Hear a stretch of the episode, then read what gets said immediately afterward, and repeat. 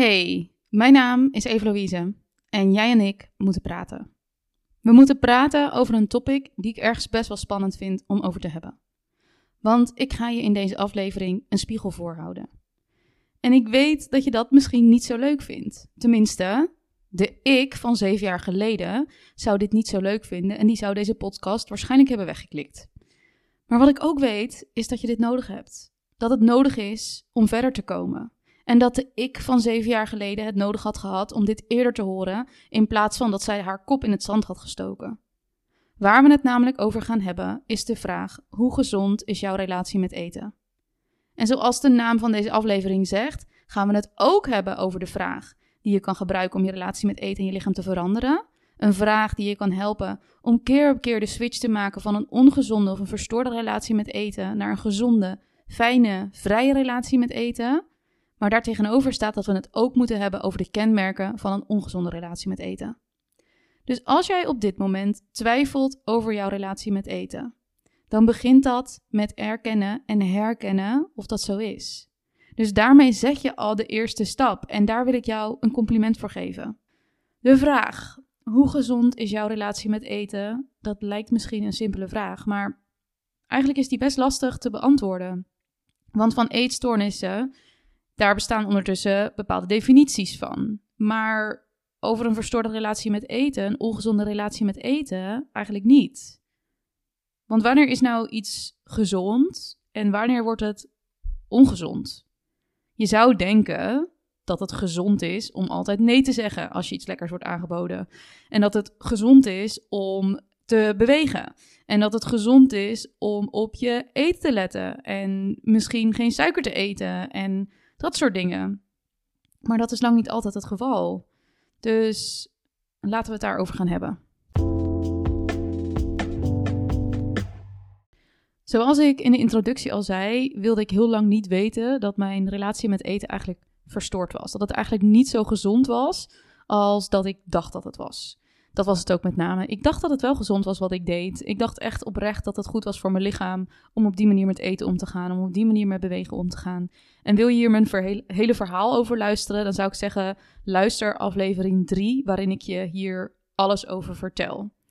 En om heel eerlijk te zijn, lijkt er soms ook een dunne scheidingslijn te zitten tussen wanneer iets komt vanuit een gezonde intentie of wanneer iets komt vanuit een ongezonde intentie. En om je daarbij te helpen, om je te helpen ontdekken of iets gezond is of wanneer iets ongezond is. Ja, ik hou niet zo heel erg van die zwart-wit definitie. Maar ehm, als we het hebben, ja, als we het daarover hebben, dan is er één vraag die ik daarin altijd heel mooi vind om te stellen. En dat is: doe je de dingen die je doet vanuit self-care, vanuit zelfzorg, of doe je die vanuit self-control? En als je het doet vanuit zelfzorg, dan komt het vanuit liefde voor jezelf. Dan komt het vanuit zorg voor jezelf. Maar op het moment dat het komt vanuit self-control, dan komt het heel erg vanuit angst en vanuit wantrouwen en vanuit controle uitoefenen over hetgene wat je doet, omdat je eigenlijk geen vertrouwen hebt in jezelf. En dit komt ook altijd vanuit niet goed genoeg zijn. En bang zijn voor bijvoorbeeld afwijzing. En vanuit daar ga je jezelf heel erg controleren. Dus die laatste, self-control, ja, dat is, er, dat is eigenlijk de, de ongezonde kant. En er is nog een andere, en dat staat weer aan de andere kant van het spectrum. En dat zou je de kant van de verwaarlozing kunnen noemen. Dus dat is de kant waarin je eigenlijk nergens op let. En als we het over eten hebben, alles eet, ja, wat je maar kan vinden. En iemand die komt vanuit self-control, die zou misschien kunnen denken: Nou, weet je, uh, eigenlijk is dit helemaal niet zo gezond wat ik nu aan het doen ben. Ik wil, het, ik wil niet meer op deze manier doen. Dus ik, ga, ik laat nu alles los. En dan schieten ze eigenlijk door naar die andere kant. Maar die middenweg, die self-care, die kunnen ze eigenlijk niet vinden. Dus dit, dit gebeurt dan ook heel vaak bij mensen die de balans niet kunnen vinden. En die eigenlijk maar twee modussen kennen. En dat is of heel strikt en streng op je eten letten. Of alles loslaten en uh, in de verwaarlozing kan schieten. En ik dacht daar bijvoorbeeld over ik ga nu even lief zijn voor mezelf en dit mezelf toestaan om dit allemaal te eten. En ja, mentaal gezien was dat misschien wel lief zijn voor mezelf, maar lichamelijk gezien was dat niet lief zijn voor mezelf. En kwam het dus totaal niet vanuit die self-care waar ik het over heb. Dus de vraag: doe je de dingen die je doet vanuit self-care of doe je het vanuit self-control of vanuit dus verwaarlozing? Ja, dat is een goede voor jezelf om in gedachten te houden en waarmee je ook kan ontdekken of dat wat je doet ja, een gezonde intentie heeft of dat het misschien niet zo'n gezonde intentie heeft. En ik dacht, ook als we het hebben over beweging, ik dacht daarin ook heel lang, ja, het is toch gezond om, om veel te bewegen. Net als dat er veel mensen zijn die zeggen, ja, eh, je moet, moet bewegen op een dag, dus ik ga nu 10.000 stappen zetten. En die dragen bijvoorbeeld ook zo'n Apple Watch uh, of een, uh, ja, zo'n zo'n zo'n horloge waar je het aantal stappen kan zien. En ja, aan de ene kant zit daar misschien een gezonde intentie achter, want ja, het is gezond om te bewegen. Maar op het moment dat dat heel erg komt vanuit self-control en moeten en vanuit een soort van obsessie en vanuit moeten voldoen aan iets, dan komt het niet vanuit een gezond perspectief. Dus eigenlijk, ja, door daar stil, bij te staan, kan je al wat meer bewust worden of de dingen die je doet vanuit self-control of vanuit self-care komen. Even als voorbeeld, vorige week toen stuurde een dame die ik coach en die ook krachttrainingsschema's van mij heeft, Side note voor degenen die mij nog niet zo lang kennen. Hiervoor was ik voeding, fitness en mindset coach. En maakte ik dus ook evidence-based krachttrainingsschema's. En werkte ik ook alleen met mensen die aan krachttraining deden. Dat is op dit moment veranderd, want ik werk ook met mensen die geen krachttraining doen. Maar op het moment dat iemand wel krachttraining doet en daar ook mee aan de slag wil, dan maak ik nog steeds schema's en dan zijn we nog steeds bezig met het trainen op een evidence-based manier. Maar de cliënt van vorige week die stuurde dus: Ja, ik heb eigenlijk deze week de krachttrainingsschema's niet gedaan. En in haar geval was dat voor haar selfcare. Voor haar was het selfcare om te besluiten niet die trainingsschema's te doen. Ze had op andere manieren bewogen, oké, maar voor haar was het een enorme progressie om te besluiten niet de trainingsschema's te doen en gewoon even te doen waar zij behoefte aan had, waar haar lichaam behoefte aan had. Dat was voor haar selfcare. En voor een ander, die misschien in die eerder in, aan de kant van de verwaarlozing zit, ja, daar is het inderdaad wel de vraag: hey, als je niet hebt getraind, is dat dan gekomen vanuit self-care? Of kwam dat dan eerder vanuit een stukje verwaarlozing en ja, jezelf niet uit je comfortzone halen en nou ja, eigenlijk die kant? Dus ik hoop dat je hiermee al misschien wat meer helderheid krijgt over wanneer is iets nou gezond en wanneer is iets ongezond. Maar er zijn ook een aantal signalen die ik opmerk bij dames die ik spreek, um, die, ja, waarmee ik eigenlijk zie dat zij een verstoorde relatie met eten ervaren.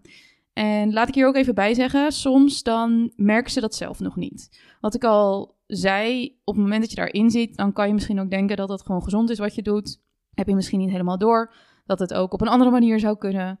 En um, ja, ergens zit je misschien ook nog in de ontkenningsfase, net als wat ik heel lang heb gezeten, waardoor je ook niet wil weten dat dat wat je doet misschien niet zo gezond is.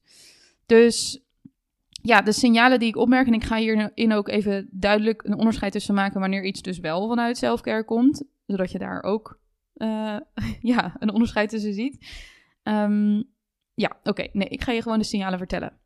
Het eerste signaal wat ik altijd merk is dat op het moment dat iemand heel veel in zijn hoofd bezig is met eten, heel veel in zijn hoofd bezig is met haar lichaam, en dat ze daardoor eigenlijk bijna eh, vergeet te leven, dat is eigenlijk voor mij een teken. Oké, ja, die relatie met eten en die relatie met haar lichaam, die geeft wel aan dat dat niet helemaal gezond is.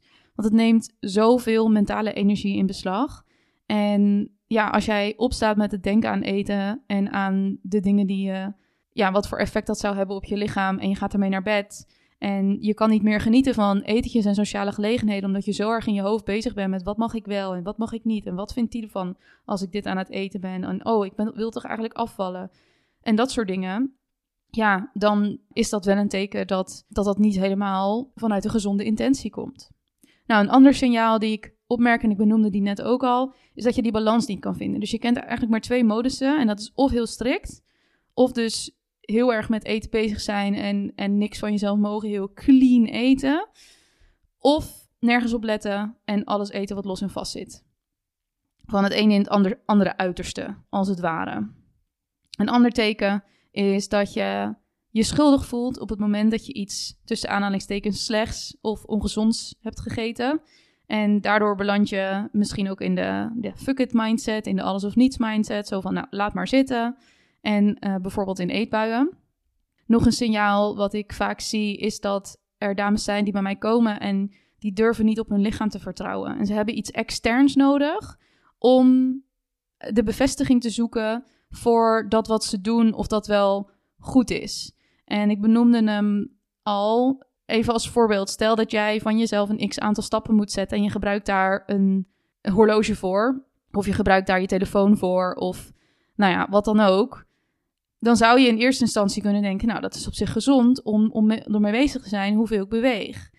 Maar als je afhankelijk bent van dat apparaatje en je eigenlijk niet meer bij je lichaam incheckt hoeveel jij bewogen hebt en of dat ook past bij wat jouw energielevel op, op die dag is. En dan is het natuurlijk de vraag of dat nog wel zo uh, gezond is. En hetzelfde geldt eigenlijk rondom voeding. Als jij altijd het idee hebt dat je je voeding moet bijhouden in een app, omdat je jezelf niet vertrouwt, omdat je anders bang bent dat je te veel gaat eten, omdat je anders bang bent dat je niet het juiste eet, dat je niet de juiste hoeveelheden binnenkrijgt, dat je te veel van dit of te veel van dat, of te weinig van dit of te weinig van dat. Voor mij zat het heel lang in, ik eet dan, ben bang dat ik dan te weinig eiwitten ga eten, of ik ben bang dat ik dan te weinig vetten ga eten. En daarmee overtuigde ik mezelf dan dat ik moest blijven tracken, want dat was dan voor mijn gezondheid. Achteraf gezien was dat misschien niet per se zo. Dus ja, dat is ook een teken dat je niet op je lichaam durft te vertrouwen.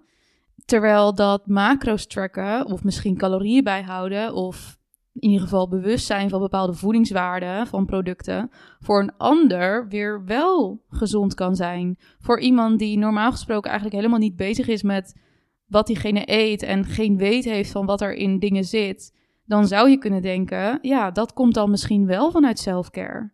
Zo kreeg ik laatst een berichtje van iemand die juist is gestopt met het calorieën tellen, omdat het voor haar niet meer gezond was, dat ze ineens schrok van het feit dat ze merkte dat ze wel weer naar een, een keer een calorieënaantal aan het kijken was. En toen zei ik ook, ik zeg, maar dat, daar hoef je niet van te schrikken. Je doet daar niks verkeerds mee. Alleen check voor jezelf in of dat checken van die calorieën op dat moment komt vanuit self-care of dat het komt vanuit self-control. En dat afhankelijk van die intentie die erachter zit, je wel of niet je keuze op basis daarvan gaat maken. Dus de scheidingslijn is hier misschien wel dun. Van ja, voor de ene kan dat calorieën of dat voeding bijhouden een manier zijn om self-care naar zichzelf te uiten of ja, hè, voor jezelf te zorgen. Terwijl voor een ander dat meer komt vanuit die self-control waar ik het al over heb gehad. En nog iets is um, dat je je bijvoorbeeld vasthoudt aan bepaalde hoeveelheden of aan bepaalde momenten waarop je moet eten van jezelf. Dus je staat jezelf niet toe om op andere momenten te eten, omdat je met jezelf hebt afgesproken dat je alleen op die tijden mag eten en dat je aan die hoeveelheden moet vasthouden, terwijl je daarmee dus eigenlijk geen rekening houdt met de signalen van je lichaam. En waar wij als vrouw bijvoorbeeld ook rekening mee te houden hebben, is onze cyclus. En dat er momenten zijn waarop we meer honger hebben en dat er momenten zijn waarop we wat minder honger hebben. Een ander signaal is dat eten je enige manier is om met emoties om te gaan. Dus dat wanneer het goed met je gaat, dat eten ook gewoon goed gaat. Maar zodra er iets in je leven gebeurt wat je van slag maakt, of nou ja, wat het dan ook mogen zijn, er wordt iets getriggerd in je, dan is eten je enige manier om daarmee om te gaan. Dus om, als kopingsmechanisme is eten je enige, enige copingskill, je enige vaardigheid ook hier geldt, emotie eten is niet ongezond. Het is niet ongezond om vanuit een emotie te eten. Ik eet ook wel eens vanuit een emotie. Als ik een stuk taart krijg op een verjaardag, dan eet ik vanuit een emotie, omdat ik iets wil vieren. Maar op het moment dat eten dan je enige manier is en je geen andere vaardigheden hebt aangeleerd om jezelf te kalmeren, ja, dan neigt het weer wel naar die andere kant. En het andere signaal wat ik ook vaak terug zie komen, is de angst om bepaalde producten te eten. Je bent bijvoorbeeld bang dat je de controle verliest op het moment dat je begint aan zo'n product. Of je bent bang dat je ervan aankomt als je dat eet. Dus hier eigenlijk in een, op een rijtje wat de signalen zijn die ik vaak opmerk op het moment dat iemand een verstoorde relatie met eten heeft. En een groot gedeelte hiervan, ja, zoals je al eerder op mijn podcast hebt kunnen beluisteren, wordt ons heel erg aangeleerd vanuit de dieetcultuur. En als je ook kijkt naar diëten, dan is diëten letterlijk jezelf verstoord eetgedrag aanleren. Dan al die dingen die ik hier heb opgenoemd, dat wordt letterlijk aangeleerd met diëten. En dan wordt het een dieet genoemd en dan wordt het dus eigenlijk niet verstoord eetgedrag genoemd. Maar als je er van een afstandje naar kijkt, dan is het dus eigenlijk wel verstoord eetgedrag wat daarmee aangeleerd wordt. En wat ik hoop met deze podcast is dat je het gaat erkennen en herkennen voor jezelf, zodat je het ook kan veranderen. Want dat is echt je eerste stap. Je moet het eerst kunnen zien voordat je het kan veranderen. Doordat ik het heel lang niet zag, veranderde ik het niet. En heeft het ook lang geduurd voordat ik daaraan ging werken en voordat ik dat ook wilde veranderen. Totdat ik eigenlijk ging inzien, ja maar wacht, er is ook een andere manier en ik kan hier ook op een andere manier mee omgaan. En ik gun het mezelf ook om hier op een andere manier mee om te gaan. Ik gun mezelf meer dan dit, meer dan ja, wat dit me allemaal kost. Want er is zoveel meer in je leven dan je constant druk maken over wat je eet of hoe je eruit ziet of wat anderen daarvan vinden. En je zou je relatie met eten ook heel erg goed kunnen vergelijken met een liefdesrelatie of met een vriendschappelijke relatie. En ja, als jij kijkt naar jouw relatie met eten, is dat dan een relatie waar jij bij zou willen blijven? Zou jij vrienden met die persoon willen zijn? Zou jij een liefdesrelatie aan willen gaan met die persoon? Als iemand altijd alles van je controleert. Als iemand altijd op je vingers stikt van nee, dat mag je niet, dat is niet goed voor je. En je moet nu bewegen. En bladibladibla. Is dat dan iemand waarbij jij zou willen blijven? Maar ook die andere kant, hè? Dus ook iemand die zegt: Ah, joh, is goed. Nee, allemaal prima. Nee, blijf maar gewoon lekker uh, thuis en, en, en eet maar gewoon alles wat je kan vinden. Ook dat, is, is dat een relatie waar je in zou willen blijven? Want daarmee krijg je heel erg het gevoel: Oh, geef jij wel om mij? Het boeit je eigenlijk niet wat ik doe, dus geef jij wel om mij? Dus die vraag, zou je bij jezelf willen blijven? Zou jij in die relatie willen blijven? Is ook een goede om jezelf bewust van te blijven en regelmatig aan jezelf te stellen. En wat ik al zei, zodra je weet dat iets ongezond of misschien wel verstoord is, kan je er ook wat aan gaan doen. Dus dat is ook mijn doel van deze podcast voor jou. En de takeaway die ik met jou mee wil geven. Sta stil bij de dingen die je doet en ga jezelf de vraag stellen: doe ik dit vanuit self-care of doe ik dit vanuit self-control? Of doe ik dit misschien wel vanuit verwaarlozing? En wat als je op dat moment de vraag aan jezelf stelt: wat zou ik nu doen als ik zou kiezen voor self-care? Wat zou ik nu doen en wat zou ik nu denken als ik iemand zou zijn die self-care als belangrijkste prioriteit heeft? En je zal merken dat wanneer je intentie van self-control switcht naar self-care, dat alles zoveel makkelijker wordt. Dat het zoveel makkelijker wordt om bepaalde keuzes te maken.